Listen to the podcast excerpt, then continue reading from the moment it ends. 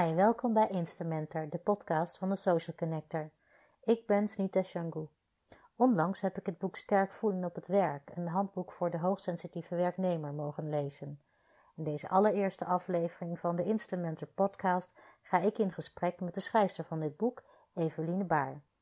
Als hoogsensitieve ben ik heel blij met haar handboek en ben ik heel enthousiast dat zij samen met mij de spits af wil bijten. Ik wens jullie luisteraars veel luisterplezier.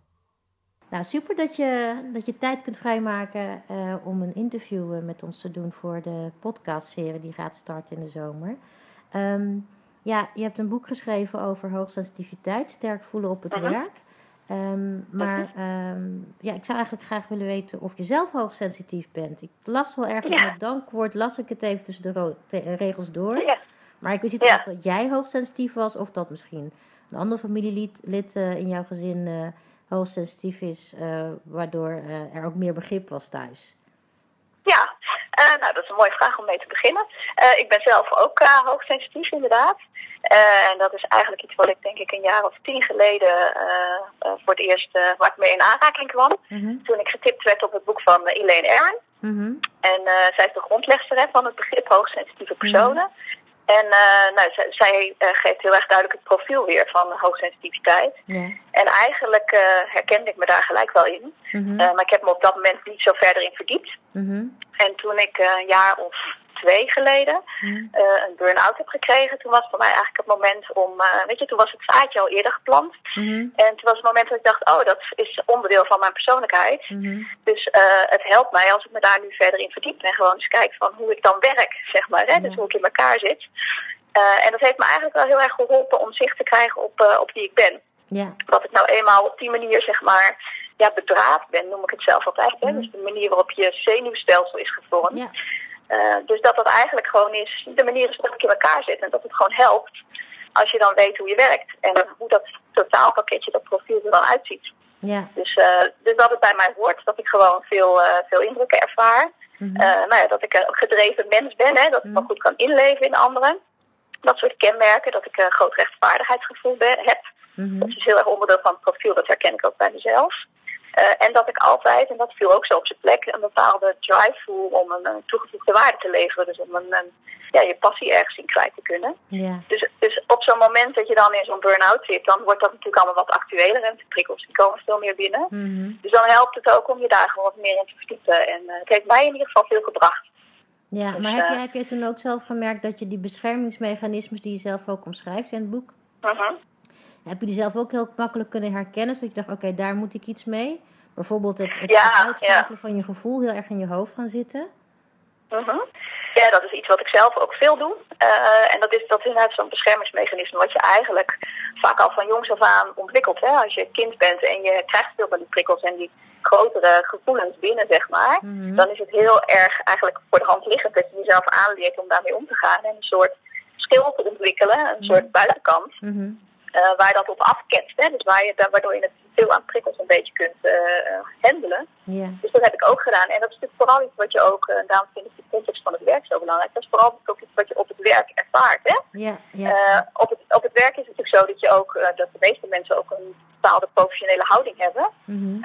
En waar dat emoties of sensitiviteit op het werk niet zo, nou ja, gewoon zijn. Mhm. Dus dat, dat, dat hebben van dat filter en dat je daar dingen op laat afketten is ook heel functioneel op het werk.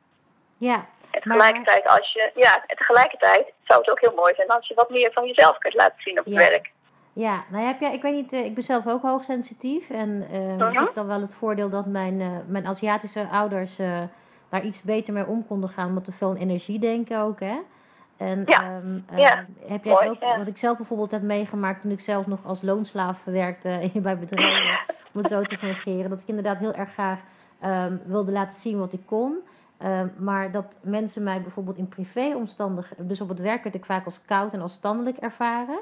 Een beschermingsmechanisme. Maar als mensen me dan privé leerden kennen, dan ik weet nog dat ik een keertje na een bedrijfsuitje uh, weer op werk kwam. En dat ik hoorde dat een collega tegen een andere collega zei: Die Snita, die is leuk, joh.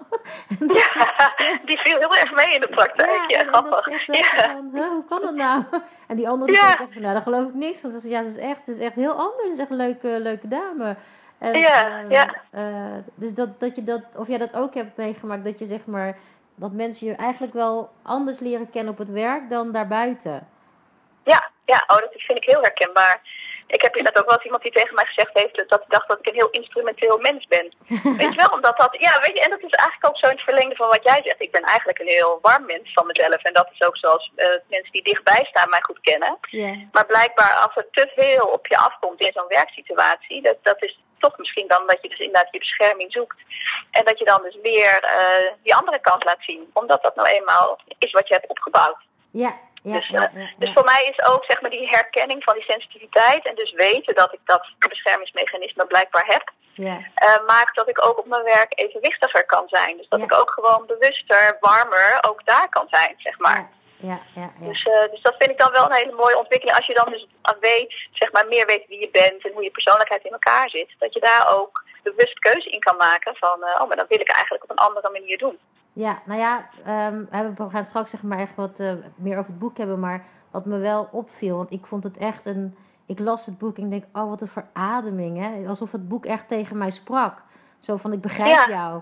En, en Ja. um, wat ik heel mooi vind... Uh, um, dus dat jij, dat jij zeg maar vanuit je HR-perspectief ook die Mhm. modellen hebt neergezet, hè?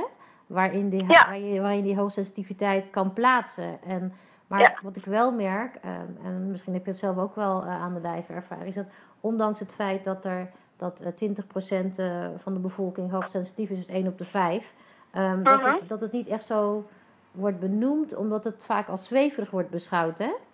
Ja, terwijl Elaine Aron juist heel duidelijk um, aangeeft dat het een, een uh, ze noemt het dan anders, hè? Uh, processing system, sensory Ja. processing system, dat het een, eigenlijk een, een, een, verwerkingssysteem is van, van jouw indrukken. En, Mhm. um, en het, ja, in hoeverre merk, heb je zelf gemerkt dat je het als, um, als, als zweverig werd beschouwd naar jou toe? Mhm. Ik weet niet of je het benoemt ook naar mensen doordat je hoogsensitief bent. En hoe ver Ja, denk je ja. dan dat deze karaktereigenschap uiteindelijk meer geaccepteerd gaat worden?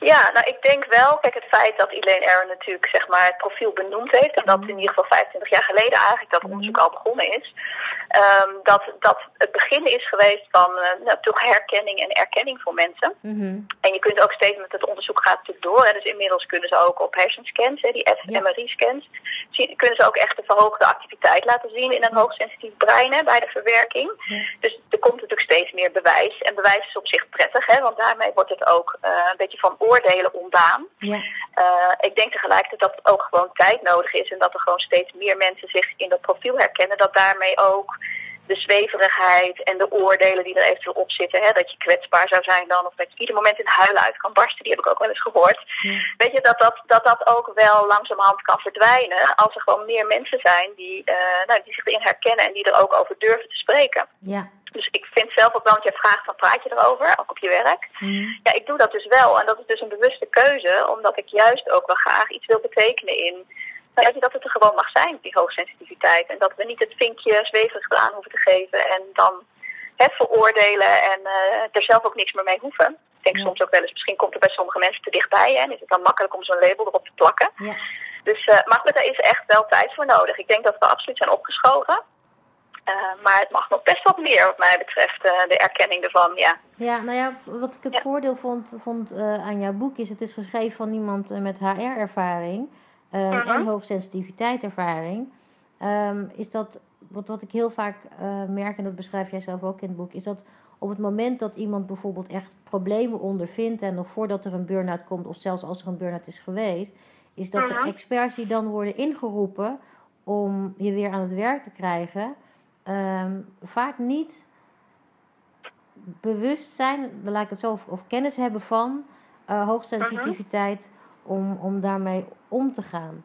En, en Nee. in, de, in hoeverre, ik hoop het in ieder geval, want ik vind dat eigenlijk alle Mhm. bedrijven, alle HR's op elk bedrijf zo'n boek mogen hebben. Um, Ja, ja. uh, denk, hoe, hoe denk je dat dat, uh, zeg maar, meer, die bewustwording meer kan gaan komen bij die professionals, hè, die dan zeg maar moeten gaan Ja. helpen? Want het is, um, uh, het, wat ik dus apart vind, is hoogsensitiviteit wordt als zweverig beschouwd. Maar als we het werk van Elaine Aron kennen, dan, en, en andere mensen Ja. ook, hè, volgens mij is Van Hoof in, in, in uh, België, ehm, dan, dan is het gewoon wetenschappelijk onderbouwd. Mhm. Ja. En toch is het makkelijk om dan, of hè, toch blijft het dan hangen op uh, dat is een zweverig begrip en daar doen wij niks mee. Ja.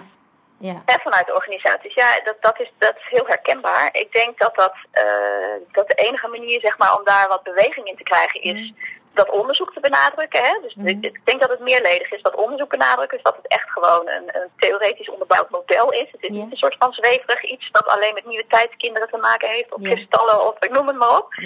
Dus dat is denk ik belangrijk. Ik denk dat een, een, een, ja, met de voeten op de grond aanpak, zeg maar down to earth, dat dat heel belangrijk is. Dat, Daarom heb ik ook bewust gekozen voor deze taal van het boek. Mhm. Weet je, gewoon het praktisch maken, het, het, dichtbij halen, zeg maar. Dat dat essentieel is om ja, ook als professional je eraan te kunnen verbinden van wat is dat dan? Ja.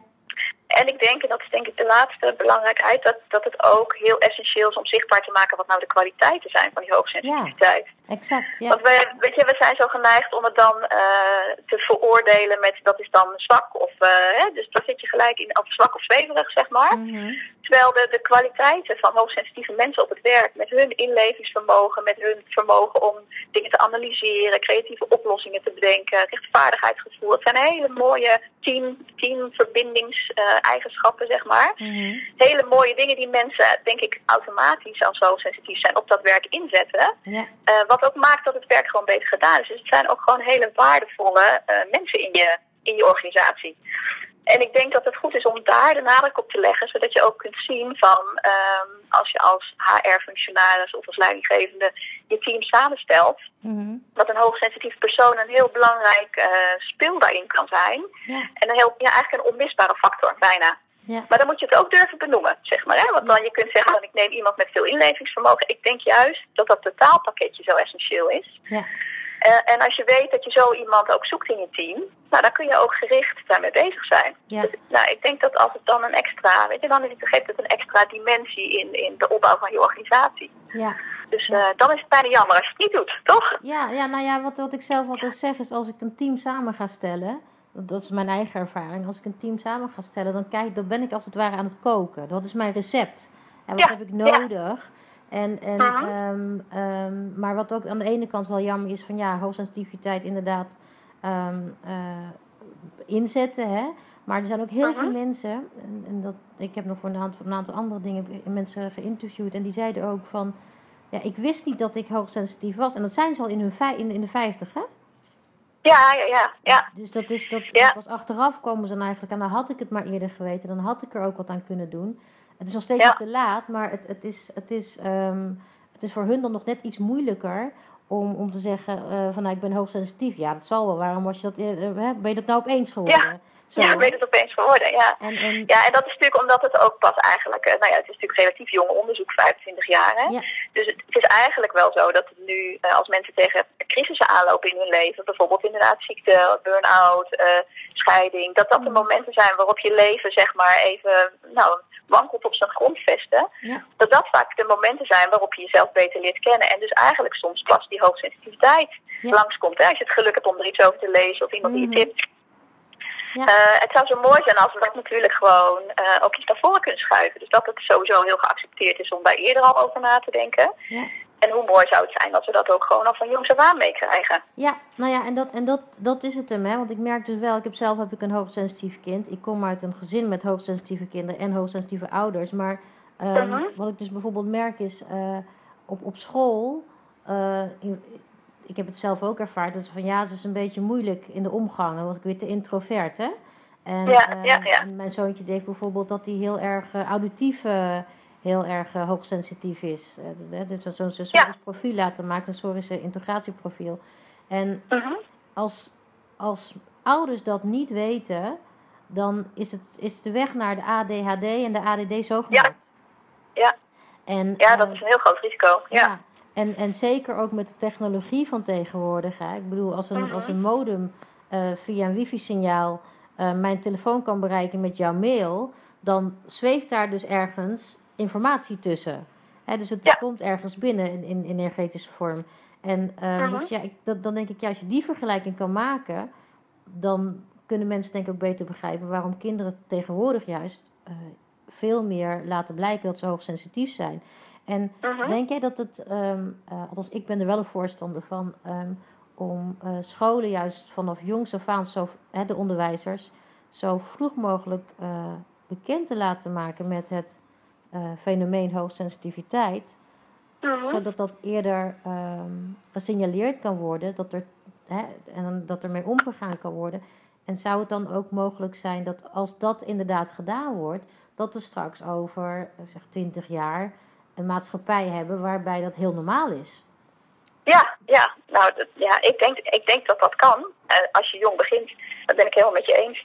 Het zou gewoon heel goed zijn als er op school bij leraren meer bekendheid is. Ja. En dat komt denk ik ook wel steeds meer. Hè. Er, is ook steeds, er zijn wel steeds meer artikelen over, ook in eh, bladen voor het onderwijs bijvoorbeeld. Of onderwijzers die op zoek zijn naar van hoe ga ik nou om met dit type kind. Ja, Ook boeken met tips zeg maar, voor, voor leraren en ouders. Hoe ga je om met hoogsensitiviteit? En ik denk dat dat heel essentieel is, want de- de maatschappij wordt natuurlijk ook alleen maar drukker en voller. ja, Dus hoogsensitieve kinderen zullen ook eerder in de knel komen. En ik denk dat heel veel kinderen die misschien niet hoogsensitief zijn, maar gewoon sensitief, ja, eh, ook gewoon heel veel last hebben van die prikkels. ja, Dus ik denk dat het voor een leraar heel belangrijk is om gewoon helder te maken welk type kind heb ik hier. En het kind daarmee ook zelf eh, zichzelf te leren kennen. Zodat hij al in een vroeg stadium ook zijn eigen maatregelen kan treffen. Om te zorgen dat hij niet over, of zo min mogelijk overprikkeld raakt. Hè. Dus je kunt het niet helemaal voorkomen. Maar mhm, zodat hij zo evenwichtig mogelijk opgroeit. Zo kan Ja. ik het eigenlijk het beste zeggen. Want er zijn natuurlijk hele praktische dingen die je in de klas kan doen. ja, Gewoon een, weet je, een hoekje maken af en toe. Of eh bij de kleuters in een tentje mogen zitten even. eh, Ja. wat in de klas is. Weet je wel, een poppenhoek. ja, Dus er zijn hele kleine dingen die de kinderen enorm helpen om niet eh, stuiterend van de prikkels zeg maar de school uit te komen. En ja, dat eigenlijk niet meer kwijt te kunnen. Nou, eigenlijk gewoon al helemaal, helemaal op ook, hè? Want dat, dat zie ik bij, Ja. bij kinderen die hoogsensitief zijn. Dat als die eh, eh, bijvoorbeeld eh, een circuit hebben, hè, dan moeten ze dus presteren. Ehm, Mhm. dat ze dan aan het einde van de dag gewoon helemaal moe zijn. En dan zegt ze, ja, dat komt omdat ze zich heel erg moeten inspannen. Maar het is natuurlijk ook omdat ze zich gedragen zoals jij graag ziet dat ze zich gedragen. Precies. En, Ja, en ja. dat is meer, dat, dat is voor een kind is dat, ja, dat is een beetje weer, een beetje best wel veel weerstand die dan komt uit, Ja. die laat ze dan niet zien, maar die komt er dan uit. En, en precies wat je zegt van die hoekjes, ja, ik weet niet, eh, nou, ik denk wel dat je het kent, het boekje van boekjes van Langmuts, hè? Eh, Ja, van precies, uitgever ja. Studio Media. Die helpen het kind niet alleen ook heel erg, maar ook, ook eh, degene die, de volwassenen die, die met zo'n kind omgaan, inclusief dus de, de scholen. Ehm, dus ja, Ja. ik hoop dat dat een hele mooie eh, ontwikkeling zal gaan worden. Want ja, zoals ik al zei, ik zie gewoon steeds meer eh, sensitieve, hoogsensitieve kinderen om me heen. Mhm. En die eh, Ja. helaas niet ehm, eh, eh, het begrip hebben van, van de ouders of school. eh, Mhm. Dat dat zo is en hoe ze mee om kunnen gaan. Dus ehm, Nee, precies. En in ons schoolsysteem zijn we natuurlijk gewend om de kinderen veel cognitieve dingen te leren. Hè, en te zorgen dat ze, dat ze klaar zijn voor de toekomst. Vinden we dan op die manier. Ja. Hè? Dat, dat is natuurlijk het, hoe het onderwijs is ingericht. ja, En zo langzamerhand zie je wel steeds meer dat er ook aandacht is voor welke persoonlijkheid is dit kind. En hoe Ja. kunnen we dat zo goed mogelijk helpen. En bij een hoogsensitief kind, dat je dan dus gewoon weet dat de sportdag gewoon heel zwaar is. Bijvoorbeeld met heel veel prikkels. Nou ja, zwemles is ook zo'n ding. Weet je, dat vinden hoogsensitieve kinderen vaak heel verschrikkelijk met, de, met het geluid en de druk die erop zit. En, eh, dus kinderfeestjes kunnen overweldigend zijn. Ja. En, en dat, weet je, wij zijn geneigd om daar eh, van te denken dat is alleen maar leuk. Maar eh, dat is maar tot op zekere hoogte het geval voor een hoogsensitief kind. ja, en ook niet Dus alleen dat, het je- vermoeiend zijn, maar dat ze, ook, dat ze het ook heel spannend kunnen vinden. Hè? hun eigen kinderfeest ook heel spannend vinden. En eh, ook daar soms een moment nodig hebben om eventjes gewoon, al is het maar vijf minuutjes alleen iets te kunnen doen. Om daarna weer hè, met een groep bezig te kunnen zijn bijvoorbeeld. Ja, Dus het, dus het kan in hele kleine dingen zitten. En dat vind ik wel mooi wat je zegt van Langmuts ook. Hè, dat het gewoon een verhaal is waar de kinderen gewoon een verhaal over een kabouter eigenlijk eh, eh, eh, lezen met je. Maar aan het eind voor de ouders ook de tips zijn. En ik vind dat een hele mooie balans in dat een kind zich daarmee via dat verhaal eigenlijk kan herkennen. ja, En dat je als ouder ook een soort tip meekrijgt van, nou, weet je, mijn kind herkent het in. Hoe kan ik dan het beste het kind faciliteren, zeg maar, dat, zodat hij daar zo, nou ja, evenwichtig mogelijk van opgroeit. Ja. Nou, wat, wat ik, Ja. ehm, eh, zeg maar even vanuit het kindsperspectief naar volwassenheid. Wat ik, wat ik bijvoorbeeld weet is ehm, eh, dat eh, om bij, bij jezelf te blijven, dat kinderen dan bijvoorbeeld een verzwaring meekrijgen hè, op school. En dat is bijvoorbeeld een, een jasje met verzwaring of een, zo'n deurstopper, weet je, in de vorm van een beestje om op een schoot te Mhm. zetten. Ehm, is dat ook iets wat, wat, wat op het werk toegepast zou kunnen worden?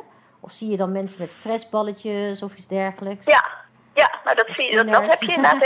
Je, iets waar je je energie uh, naartoe kan kwijtraken, zeg maar, dat helpt. Hè? Dus inderdaad de stressballetjes of... Uh, ja, dingen waarmee je kan uh, friemelen, zeg maar pennen of uh, dat, dat helpt. Ja. En wat, wat, wat ik ook wel gemerkt heb, wat heel goed werkt, is dat je uh, iets dergelijks, hè, het hoeft niet zo'n stressballetje te zijn, maar het kan iets anders klein zijn wat je vaak gebruikt, mm -hmm. als een soort anker om jezelf te helpen om je stress kwijt te raken. Dus wat ik bijvoorbeeld, wat ik zelf doe, is, ik heb mezelf aangeleerd als ik mijn pen van de ene naar mijn andere hand schuif, bijvoorbeeld mm -hmm. in vergadering, mm -hmm. dat is het moment dat ik ook even gewoon achterover ga zitten en gewoon even uitadem en nou ja, de stress en uh, het, het, gedoe van je omgeving kwijtraakt. Dus, en als je dat een paar keer gedaan hebt, dan is iedere keer eigenlijk automatisch, heel grappig is hoe dat werkt in je hoofd, als je die pen overhaalt van je ene naar je andere hand, dat is eigenlijk ook automatisch een moment dat je ontspant. Uh, omdat je zo'n eigenlijk zo'n paadje in je hersenen ja, inbent. neurologisch, ja. Ja, dus dat soort kleine dingen uh, kunnen gewoon in de loop van de dag je al helpen om uh, wat van de prikkels of wat van de druk uh, achter te laten. Zodat ook wij niet zeg maar thuis helemaal overvoerd thuiskomen. Hè? Wat kinderen Ja. naar school hebben, kunnen wij ook naar het werk hebben. Ja, ja. nou ik weet Dus- niet, dat, dat is denk ik ook wel iets wat, wat ehm, eh, herkenbaar is voor hoogsensitieve mensen. Sensitieve, hoogsensitieve werknemers, eigenlijk het algemeen, volwassenen. Mhm. Op het moment dat ze een druk programma hebben gehad, dan zijn ze daarna eigenlijk helemaal uitgeteld. En dan Ja. moeten ze misschien nog een paar dagen. En Mhm. ehm, eh, ik, ik zelf bijvoorbeeld, nou, ik, ik had dan, ik kreeg als kleinkind kreeg ik dan een steentje mee, dat was een amethyst. Ja. En dan moest Ja. ik dan in, hè, dat is ook even afleiding en ontlading hè, van de energie. Mhm. En, ehm, maar het, het, als volwassene, eh hoogsensitieve, merk ik dat plannen van mijn agenda heel belangrijk is. Nou ben ik wel een plan freak, om het zo te zeggen. Ik hou van organiseren en plannen. Het moet allemaal goed lopen bij mij. Mhm. Maar ik heb ehm, pas sinds ik zelf voor, voor mezelf ben begonnen, eh, geleerd dat ik ook rustdagen inplan. Dat wil niet zeggen dat ik niks Ja. doe. Ja. Maar dan doe ik het even rustig aan. Netwerkbijeenkomsten. Iedereen zegt, oh ja, dat ben, jij bent echt een netwerk. En dat begreep ik nooit. Want ik vond, de, ik had van, nou, het put me zo uit. Ik, het is, eh, ik vind Ja. helemaal niks aan.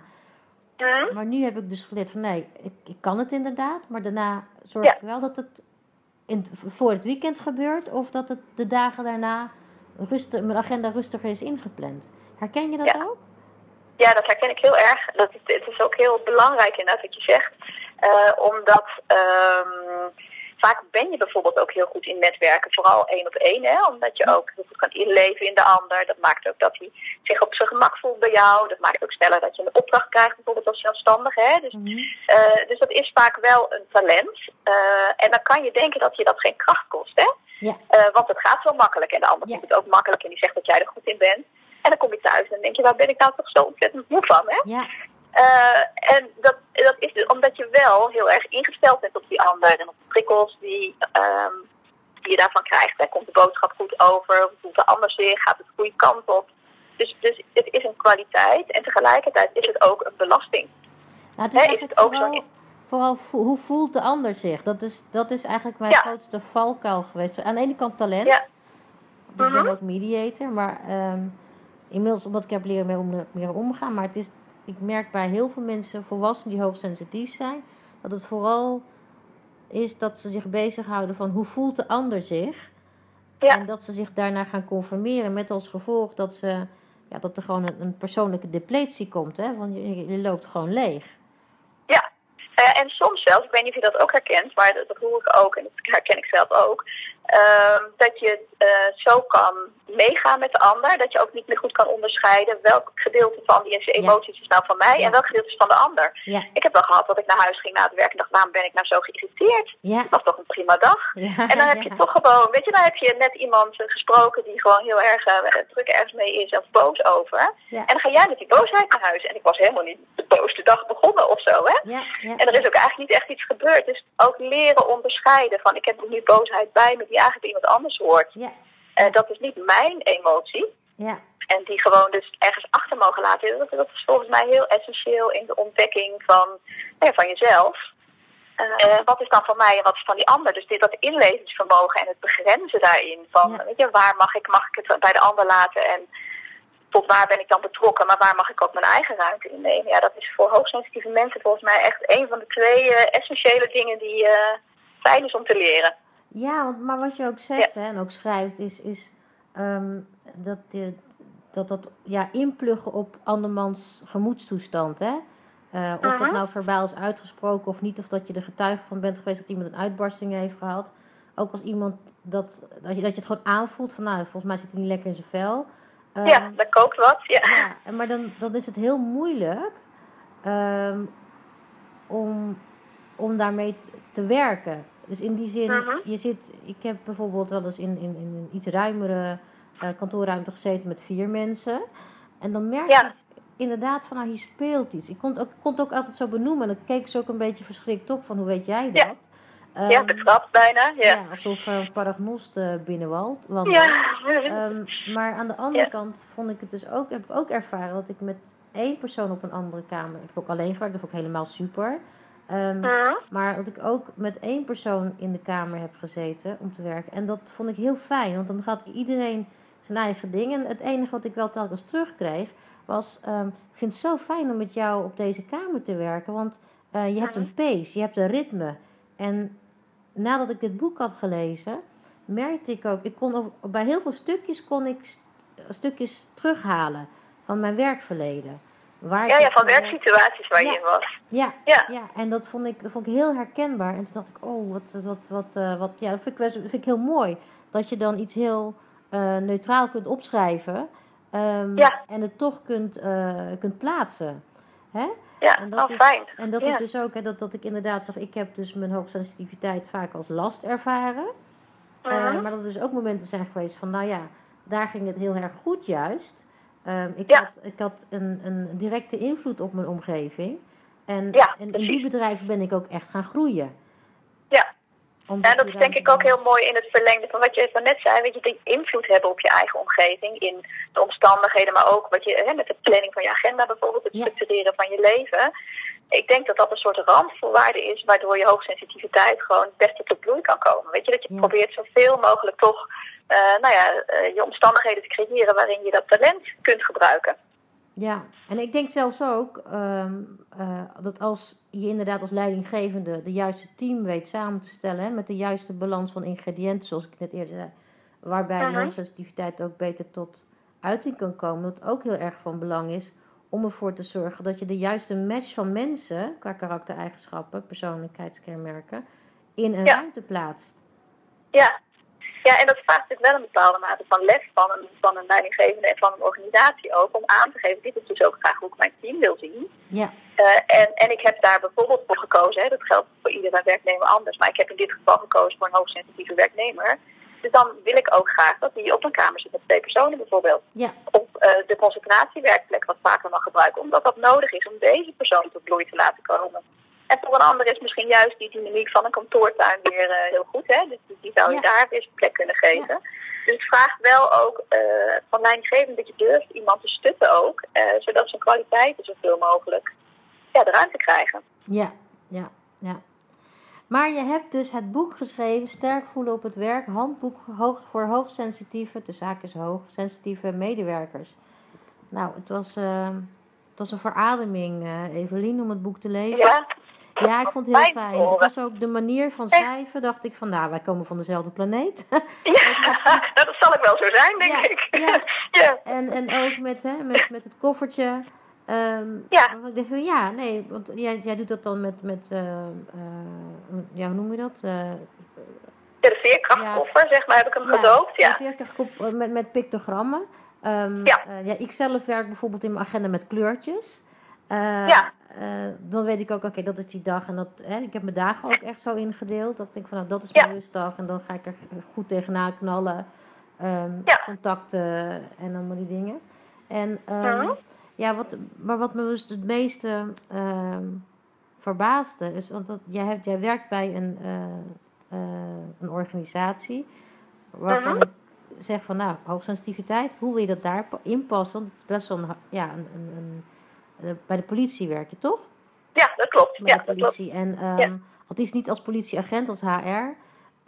nee, of, ik werk als HR-functionaris binnen de politie, ja. Dus ik heb geen uniform. Ja, geen uniform, maar dan denk ik, ja, dat is, dat is toch ook een, een, een, een de harde kant combineren met de zachte kant. Hè? Want, want ja. ja, de politie staat toch voor hard in die zin. Niet in die zin dus, dus... Ja, en voor hulp aan hen die dat behoeven, hè, zoals dat zo mooi in de slogan staat. Dus het is ook heel erg de zachte kant. Ja. Ja. Uh, maar de politie komt natuurlijk ook in aanraking met veel geweld. Ja. Dus, uh, ja. En, ja. En, en, nee, dat klopt. En dus, dus, dus het verbaasde mij aanvankelijk dat ja. je een handboek voor... Dat ik bij die organisatie werk. Ja, dat, ja, dat je niet dat je bij die organisatie werkt, dat verbaasde me niet. Maar eerder dat dit Mhm. boek geschreven werd. Ja. Ja, en dus, dus waarom heb jij dit boek geschreven? Ja, nou, ik heb dit boek natuurlijk ook niet vanuit de politie geschreven, hoewel dat ook gekund had hoor. Maar Ja. uh, uh, ik heb dit boek geschreven vanuit mijn eigen uh, inzichten die ik graag wilde opdoen. En ja, waar ik gewoon de herkenning die ik zelf heb ervaren en de erkenning, Mhm. ja, daar wil ik graag aan bijdragen. En ik hoop op deze manier dat, anderen zich ook, zeg maar, in dat prof, profiel of gewoon überhaupt hun persoonlijkheid beter leren kennen. En dit kan een onderdeel ervan zijn. Mhm. Dus dat was voor mij de reden om, nou ja, om het ook op te gaan schrijven. En ik denk, uh, kijk, de politie is natuurlijk een maatschappelijke organisatie. Ja. En ik denk, als je kijkt naar het profiel van uh, veel hoogsensitieve mensen, uh, dat die veel terug te, te, vinden zijn in allerlei maatschappelijke organisaties. Ja. Ja. He, met de passie en de wil om bij te dragen aan, aan de maatschappij of aan een uh, goed doel. Ja. Dat denk ik dat daar heel veel mensen bij overheidsorganisaties of maatschappelijke doelstellingen Ja. uh, terug te vinden, vinden zijn. Ja. En dat geldt voor mij ook als ik terugkijk. Dan is dat toch wel een reden geweest dat ik op die manier, ook al is het dan via HR, maar wilde bijdragen aan de mensen die de organisatie veiliger maken of de wereld veiliger maken. Ja. Um, dus in die zin is het ook een organisatie waar het heel erg uh, uh, speelt en is. Ja. Uh, maar je hebt, je hebt gelijk, tegelijkertijd is natuurlijk als je als agent op straat bent, zul je ook voor een deel die harde buitenkant, die schil zeg maar, moeten gebruiken, die professionele schil, omdat het ook gewoon nodig is. Ja. Uh, omdat je in bepaalde situaties met geweld te maken krijgt. Dus ik denk dat van een politiemens gevraagd wordt om steeds te schakelen tussen je intuïtie, wat is hier aan de hand, hoe kan ik het het beste deescaleren, welke mens moet ik aanspreken, dus je gebruikt je intuïtie. En soms moet je ook heel erg je, je harde kant, je professionele voorkomen en je uniform inzetten. Ja, je grens Dus- dus aangeven dat- dan, hè? Want en je dat- grens aangeven, Dat zijn precies. eigenlijk. Ja, en dat is natuurlijk wel ook een parallel met andere overheidsorganisaties. Want als je in de zorg werkt, heb je datzelfde. Hè? Dan zul je misschien iets meer met je intuïtie doen. Maar moet je ook zorgen dat je je grenzen bewaakt. Dat je niet verdwijnt in uh, de patiënten waar je mee werkt. Of alle ellende van de kinderen die je de hele dag in het onderwijs zeg maar, voor je hebt mee naar huis neemt. Dus ook daar heb je, zul je tot op zekere hoogte uh, uh, ja, ook je, je professionele voorkomen moeten gebruiken. Dus er zitten wel parallellen, denk ik, tussen die, die, ja, de overheidsorganisaties op zich. Ja. Bij de politie komt het denk ik wat meer nadrukkelijk tot uiting, ook door het uniform. Ja, nou ja, ik, ik weet dat ik um, um, in mijn familie is er een, uh, een rechercheur geweest. Uh, ze is inmiddels gepensioneerd. Mm -hmm. En um, uh, bij haar was, ook, was het ook verbaasd hè, dat ze dat werk deed. En, maar die heeft dus ja. bijvoorbeeld ook echt de, zware, de, de, zware zaken gehad. Hè? Bijvoorbeeld ja. moorden op de Zeedijk en dat soort dingen op, in Amsterdam. En, en getuige -hmm. van zijn. En, maar wat ik dus heel bijzonder vond bij haar was dat, dat juist haar hoogsensitiviteit uh, bruggen wist te bouwen. En um, dat ze vanuit, dat geheel, vanuit het geheel van de casus die ze telkens voor zich had, um, ja. de samenhang wist te vinden. Dat was haar talent. En pas Ja. uh, later, toen ze een jaar of ja, echt ver in de zestig, toen, toen is ze gewoon veel gaan lezen hierover. En toen zei ze, oh, dus dat is er met mij in de hand. Hè, van, Ja, hoe kan ja. dat nou? Hoe, waar- waarom wist ik dat? Wist ik alle antwoorden zo makkelijk te vinden? En dat is puur om, om Mhm. het geheel te kunnen vinden in de details, hè? Vooral details. En, Nou ja, dat is inderdaad het mooie van het feit dat je natuurlijk al die indrukken binnenkrijgt. Mhm. Uh, is dat je ook heel veel informatie hebt waar je mee kunt werken. Ja. Uh, dus je, je hebt heel veel details. Uh, en je kunt vaak met het analytisch vermogen en dat je ook omdat je de diepgaande verwerking hebt, hè, dus even afstand neemt van de materie en Ja. het bewerkt en er dan mee aan de slag gaat, Ja. kun je vaak ook heel erg de hoofdlijnen duiden. Dus het, en dat is echt wel een talent voor op de werkvloer volgens mij. ja, Dat je dus en de grote lijnen kunt zien, maar ook in kunt zoomen op een detail als dat nodig is. Dus allebei heb je in je. En dat is wel echt iets wat niet iedereen zomaar meebrengt. Veel mensen zijn of goed op de abstracties, of juist heel goed op de details. ja, Maar het kunnen schakelen tussen die twee. Nou, een rechercheur nou. zijn is natuurlijk een mooi voorbeeld. Ja, Dat, hè, maar ook eh, wetenschapper zijn bijvoorbeeld. Dat zijn ook de beroepen waarin je dat heel goed kwijt kunt. Eh, dat je die grote lijnen zo kunt pakken en ook eh, de details. En daarom zijn volgens mij hoogsensitieve mensen ook vaak hele goede adviseurs. Omdat ze dat hele speelveld kunnen overzien. ja, Echt een van de beroepen waar ze blijkbaar nogal goed tot hun recht komen, hoogsensitieve personen. Dat, dat adviseurschap, omdat je gewoon zo breed kunt zien wat er nodig is. Eh, en een richting kunt uitzetten. Maar als je ergens vragen over krijgt, weet je ook nog precies hoe het in elkaar zit. Of waar je het gelezen hebt, of waar het ongeveer stond. Hè, de beelddenkers Ja. onderom. ja, ja. Dus, eh, Ja, dus dat is een heel mooie kracht. Ja, ja, dat is bij mij, dat, we- ze noemen dat dan de olifantengeheugen. Wat weet je dat nog goed? En ik kan echt alles heel goed benoemen. Maar Ja, ik vraag me af, is het nou echt mijn geheugen of is het echt omdat ik alles zo terug kan halen? Ja, Dat is, ja, het blijft, ik vind, vind ook, het, het is natuurlijk ook een stukje neurologie wat erbij komt, eh, komt kijken. En Mhm. het fascineert, het fascineert me echt. ja Ehm, het is intrigerend hè, van hoe werkt dat nou? Want Ja, ik denk dat je door die diepgaande verwerking, dat je het gewoon, je, je hebt het ergens echt tot je genomen en opgeslagen, bewust. ja. Eh, wat ook maakt dat je, denk ik, dat je het op de een of andere manier weer makkelijker terughaalt of zo.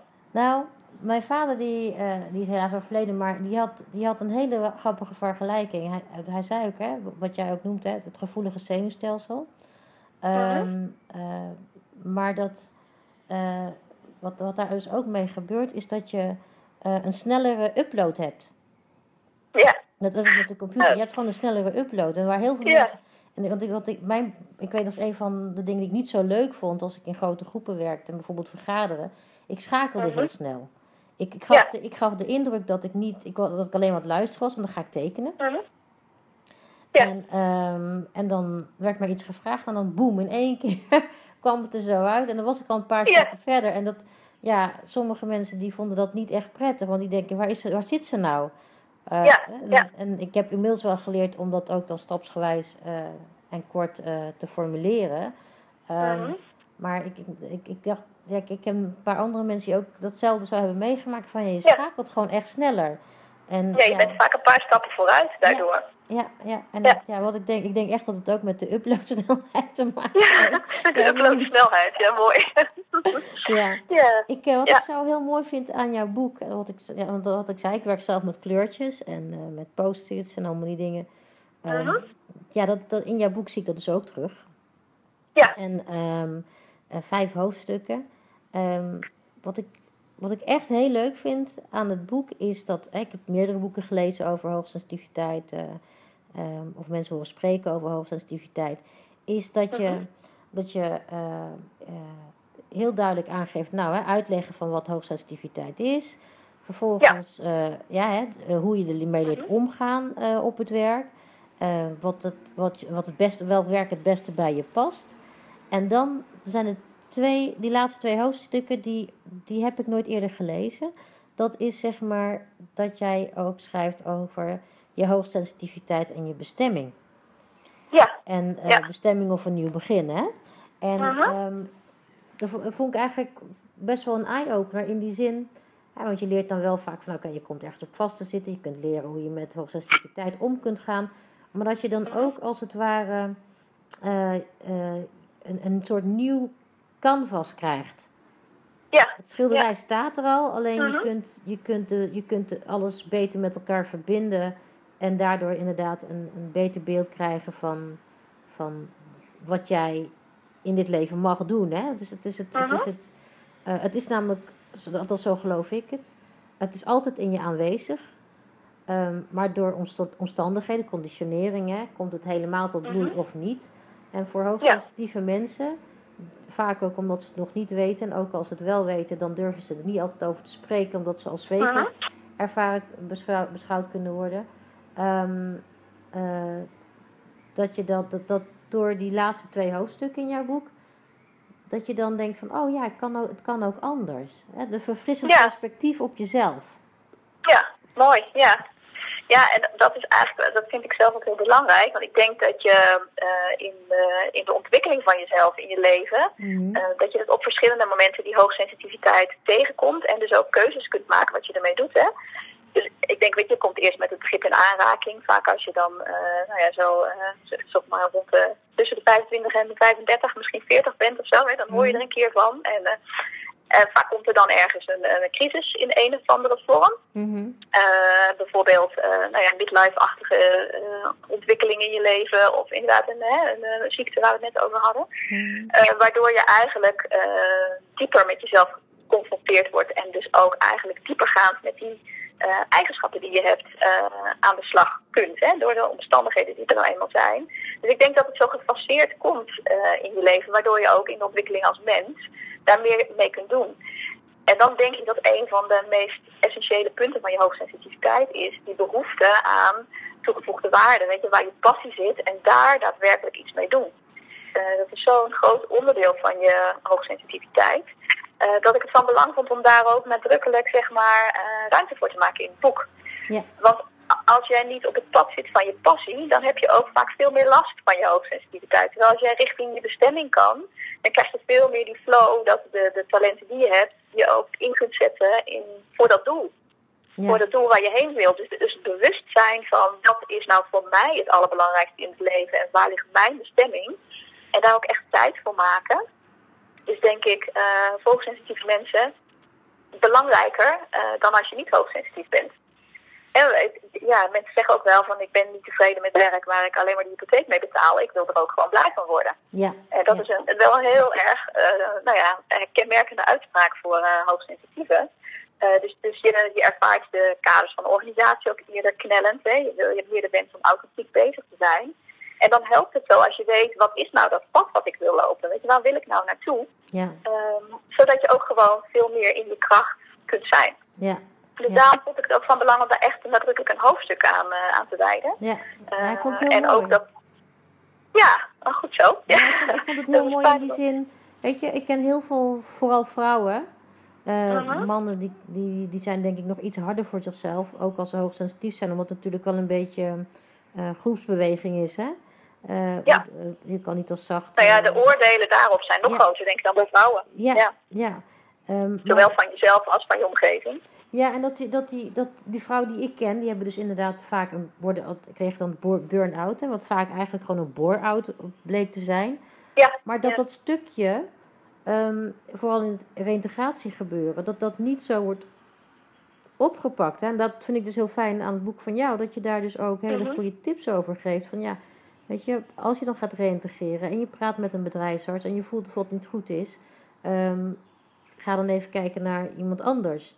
Ehm, Ja. werk, die modellen die jij, die jij ehm, eh, aanbrengt in het boek, ehm, het, daar alleen al uit, geloof ik, dat heel veel mensen juist ja, hun, hun, hun ja, job, eh, hun job dat, dat, is- dat ze Ja, het passende werk en een passende organisatie, zeg Ja. maar, proberen te vinden. Ja, Ja, ja, en ik denk dat Ja, dat en weet je- heel belangrijk is. Want bedrijven, kijk, er zijn heel veel mensen die een burn-out of bore-out krijgen. Nadat ze heel lang binnen een organisatie hebben gewerkt. Precies zoals jij het ook Mhm. omschrijft. Je gaat er met passie naartoe. eh, Ja. Jij wilt je daarvoor inzetten. Vervolgens worden dingen van je verlangd. En voor je Mhm. het weet, word je geleefd. Ja, ja.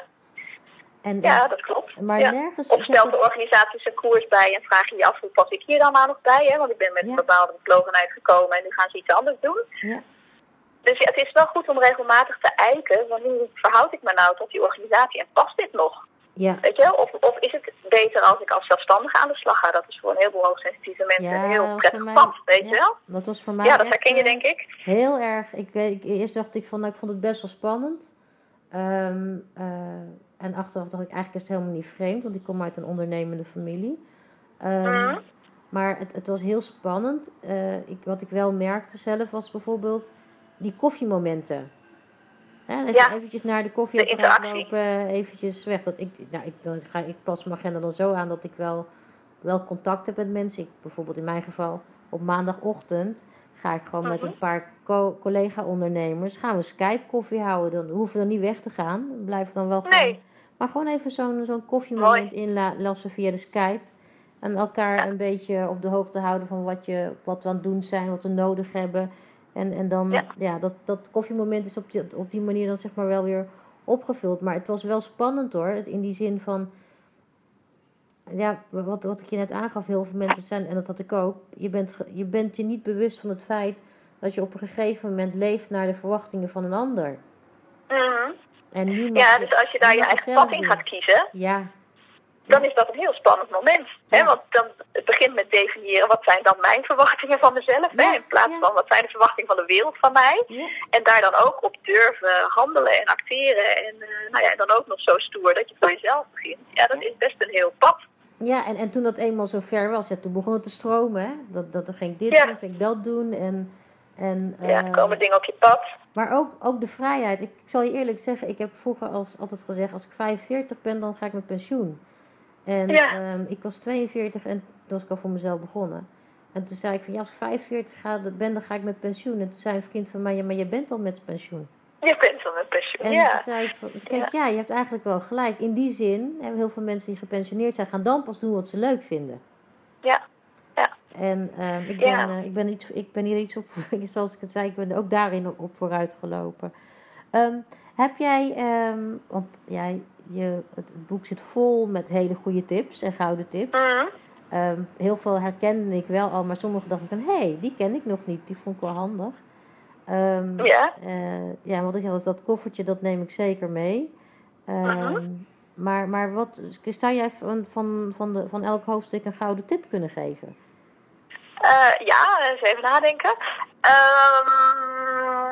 Ja, ik denk over het koffertje. Het koffertje staat eigenlijk um, uh, in het hoofdstuk met allerlei concrete werksituaties. Hè? Ja. Dus uh, vergaderen, communiceren, wat doe je bij conflict.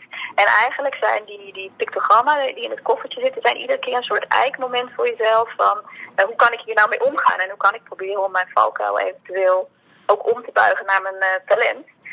Um, dus daar zitten heel veel voorbeelden in van werksituaties. Ik denk uh, wat, wat een mooie is uh, om even aan te stippen is bijvoorbeeld uh, in de zorg of in het onderwijs. Hè, mm -hmm. waar we het net al over hadden, dat inlevingsvermogen, dat is een heel groot talent in dat type werk. En tegelijkertijd is dat, kan dat ook een lastig iets zijn. Hè, dat je inderdaad met de emoties van een ander naar huis gaat. Ja. Um, dus wat, wat belangrijk is, is dat je aandacht besteedt aan het begrenzen uh, van jou ten opzichte van een ander. En ik kan er ook heel veel andere voorbeelden van noemen, maar ik denk dat dat uh, een van de twee belangrijkste dingen is die je als hoogsensitief mens uh, in de gaten houdt. Dat je die begrenzing goed doet. En dat kan met hele kleine dingen, hè, als je een vervelende vergadering hebt, het raam opengooien, zodat in ieder geval ja. ja, de boel eruit kan. Hè. Even naar het koffiezetapparaat lopen om te proberen nou, even uit die situatie te gaan wat jij ook doet hè, met tekenen. Mm. Dat je gewoon uh, een krabbeltje maakt die je schikt van hoe zitten hier nou de verhoudingen en waarom word ik hierdoor geraakt. Hè? Ja. Dus dat soort, dat soort dingen uh, kun je gebruiken. Al je omkleden als je vanuit je werk uh, komt. Hè? Zodat Oh, je ook echt het werk achter je laat. Weet je, dat soort dingen. Ja, het kan heel klein zijn en het kan enorm helpen. Ja. Dus, en wat ik trouwens net wel mooi vond wat jij zegt met reintegreren. Hè? Als je het hebt over begrenzing. Um, het opkomen van je, voor jezelf in die reïntegratie, dat is trouwens ook een ander hoofdstuk, en waar ik gelijk voorbeeld 2. Maar het opkomen voor jezelf in die reïntegratie, als je het toch al pittig hebt, um, is van groot belang dat je daar je ruimte in inneemt. Want wat ik zelf herken en wat ik ook al vaker heb teruggehoord, als jij bij een bedrijfsarts zit en die um, uh, kan niet mee in het feit dat jij hoogsensitief bent en die stelt iets anders voor, Ja. met jouw inlevingsvermogen kun je je vaak heel goed voorstellen waarom die bedrijfsarts dat voor jou bedenkt. Ja. Dus voor je het weet, ga je naar huis en doe je wat de bedrijfsarts wil. Hè? Ja. Uh, omdat hij dat nou eenmaal voorstelt en dus ook nog een autoriteit. En je kan je heel goed indenken dat dat een prima traject zou zijn, maar jij wil iets anders. Ja. Um, dus als je het hebt over begrenzing en je, en je eigen plek innemen, dan is dat ook zo'n heel mooi voorbeeld. Dat je toch probeert daar uh, op te komen voor wat jij van belang vindt. Hè? Dus als jij per se uh, een, een coach wil of ondersteuning van iemand die uh, op het gebied van hoogsensitiviteit actief is of die goed voelt, dat je dat toch gewoon blijft herhalen. En dat je probeert dan met andere argumenten wel je plek erin in te nemen. In plaats van te denken, anders is het zo sneu voor die bedrijfsarts dat hij dan niet gedaan krijgt wat Ja, hij ja. gedaan wil hebben, weet Ja, je wel. ja, herkenbaar, herkenbaar. Ja. ja, dat- is zo typerend dat je dan uitgaat denkt, ja, ik kan toch eigenlijk geen nee zeggen, want die doet ook maar zijn werk. En je kan dus wel nee zeggen, want jij hebt iets anders nodig. Ja. Dus, Ja. dus dat, weet je, en soms kost dat heel veel rust, rustig doorademen ter plekke of heel veel je sterk maken van tevoren. Maar dat opkomen voor jezelf en je eigen ik, zeg maar, is zo uh, essentieel. Dus dat is eigenlijk ook een voorbeeld, denk ik, van de, uh, het hoofdstuk, zeg maar, wat gaat over passend werk vinden en, en uh, nou ja, wat doe je nou als je ziek wordt of gaat reïntegreren. Eens even kijken. Nou ja, en dan in dat hoofdstuk wat jij net met het deel over bestemming, daar gaat het natuurlijk ook over uh, zelfstandig ondernemerschap. Ja, en uh, daar is hoogsensitiviteit natuurlijk echt een kwaliteit. Hè? Het feit dat je kunt, uh, kunt inleven in de ander, kunt voelen wat de ander nodig heeft. En nou ja, dus ook je product makkelijker kunt vertalen naar de ander. Dat je duurzame verbindingen kunt leggen. Dat is natuurlijk een heel groot talent voor zelfstandige ondernemers. Het risico daarbij, en daar zit ook een tip aan vast. Het risico daarbij is dat je zelfs al doe je wat je heel graag wil uh, ook dan kun je nog veel prikkels ervaren. Jij structureert je dag bijvoorbeeld. Dus jij doet iets wat je heel graag wil. En toch is het nog prettig dat je er ook voor zorgt dat die prikkels een beetje uh, overzichtelijk uh, op je afkomen. Ja, want dus dat, dat, blijven structureren, dat dat zo essentieel is. Ja, want het is natuurlijk wel zo. Als, als je voor jezelf gaat beginnen, dan denk je oh, ik heb mijn eigen toko. Vrijheid, ja. blijheid. En uh, we gaan, hè, gas geven. Vooral gas geven ja, gas geven, want je zit in flow en je bent heerlijk aan het werk. En wat maakt het uit dat je 24 uur per dag werkt, hè? Ja, en, en, tot op zekere hoogte maakt het ook niet uit, want je hebt er een heleboel energie op. Maar je bent, blijft ook een hoogsensitief mens. Dus ergens zijn ook, is het, zelfs in die leuke, fijne, blije werksituatie, het aantal prikkels misschien te veel. Ja, want dat gaat dan bijvoorbeeld in mijn geval, ging dat dan ten koste van, van, van het contact met, met, uh, met mijn vrienden.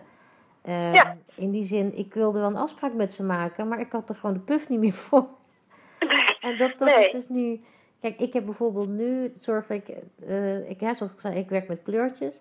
Op zondag, dat is mhm. echt de familiedag. Dat is, dat heilig, daar mag niet er niemand aankomen. Op maandag, dat is echt voor uh, netwerken, relaties, contacten bellen en alles.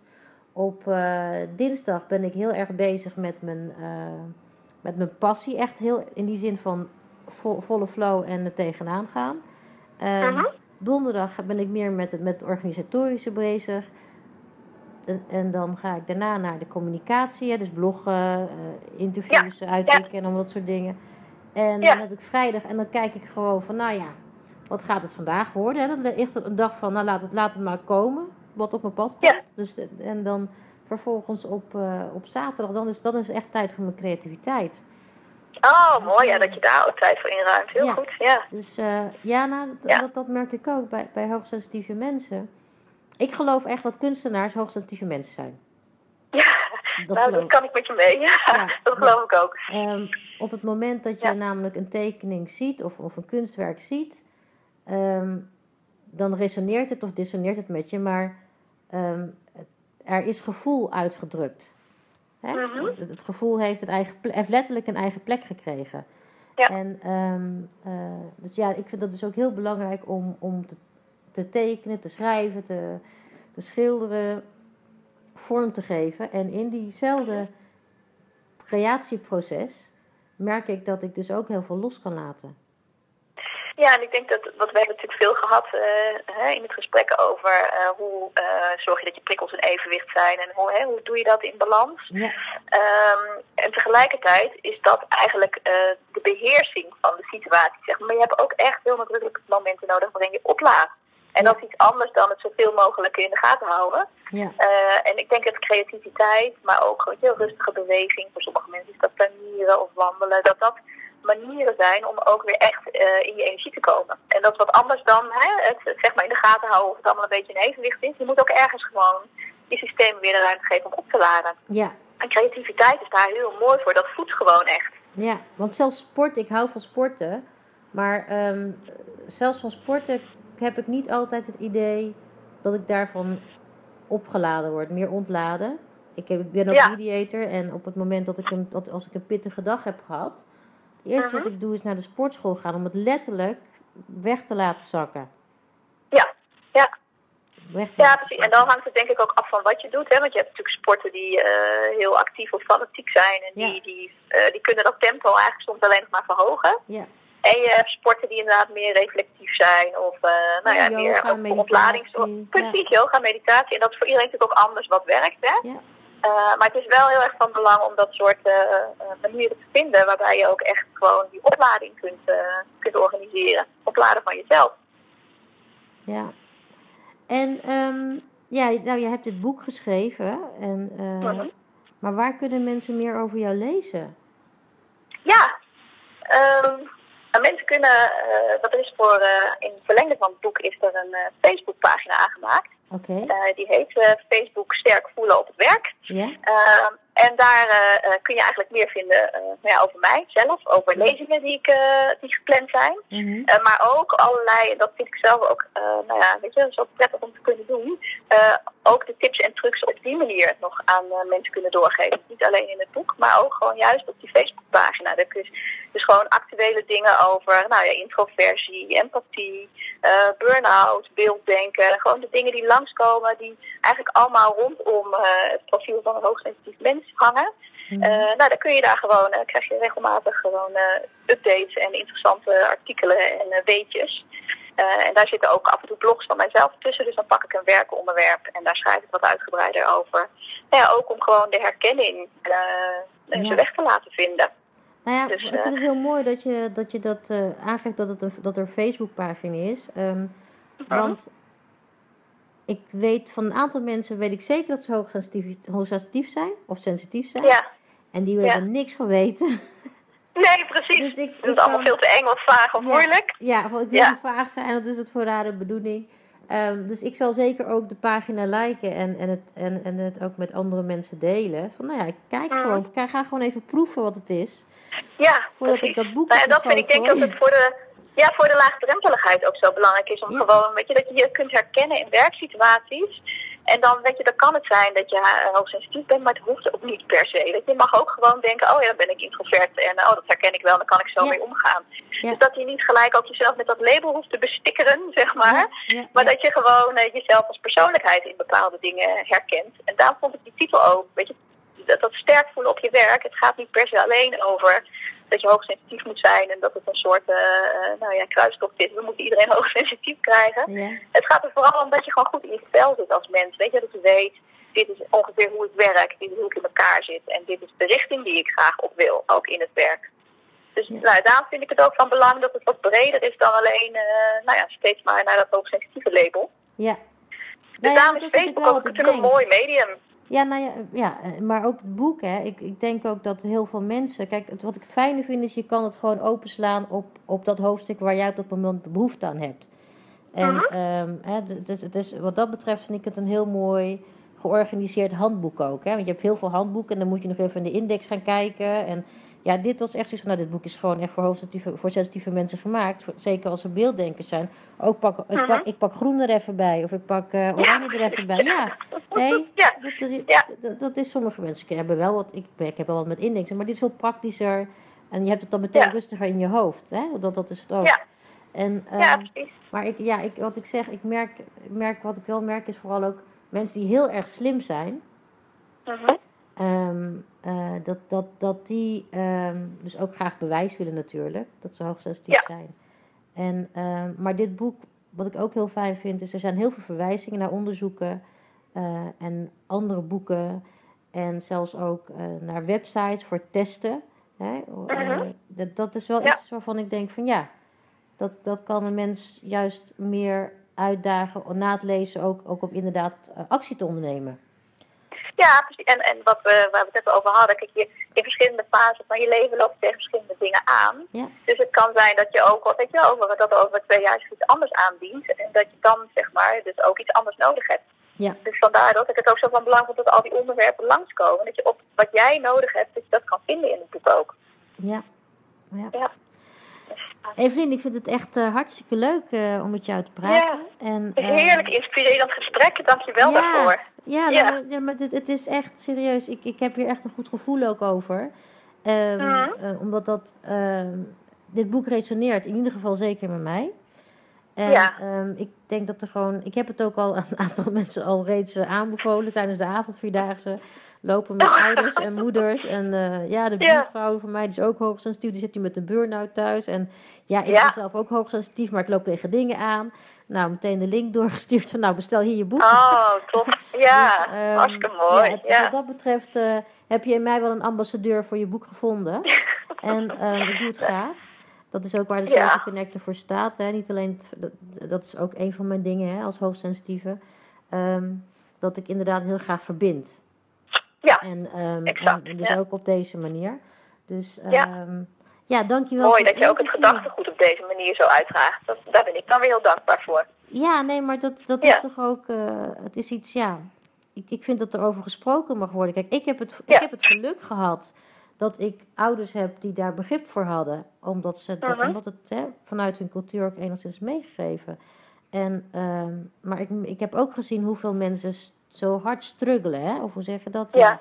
eh, Ja. moeite mee hebben om zichzelf staande te houden in een Mhm. maatschappij die, eh, die dit eh, nog niet echt als officieel erkent. Terwijl het Nee. wel, weet, zoals ik al eerder zeg, het gewoon een wetenschappelijk gebeuren is. En, Ja, ehm, ja. ja, en met dit boek weet ik zeker dat heel veel mensen denken: eh, oké, hier kan ik wat mee. Ja, hartstikke Hier kan goed. ik wat mee. Dus in ieder geval heel veel succes met je boek. En, ehm, Dankjewel. mooie, mooie posts plaatsen op je Facebookpagina. Ja. Ehm, ik ga het in ieder geval eh, onder de mensen brengen. En eh, ik wil je heel erg bedanken voor het interview. Van hetzelfde. Het was een feestje. Ja, het was een feestje, hè? Nou, ik, ehm,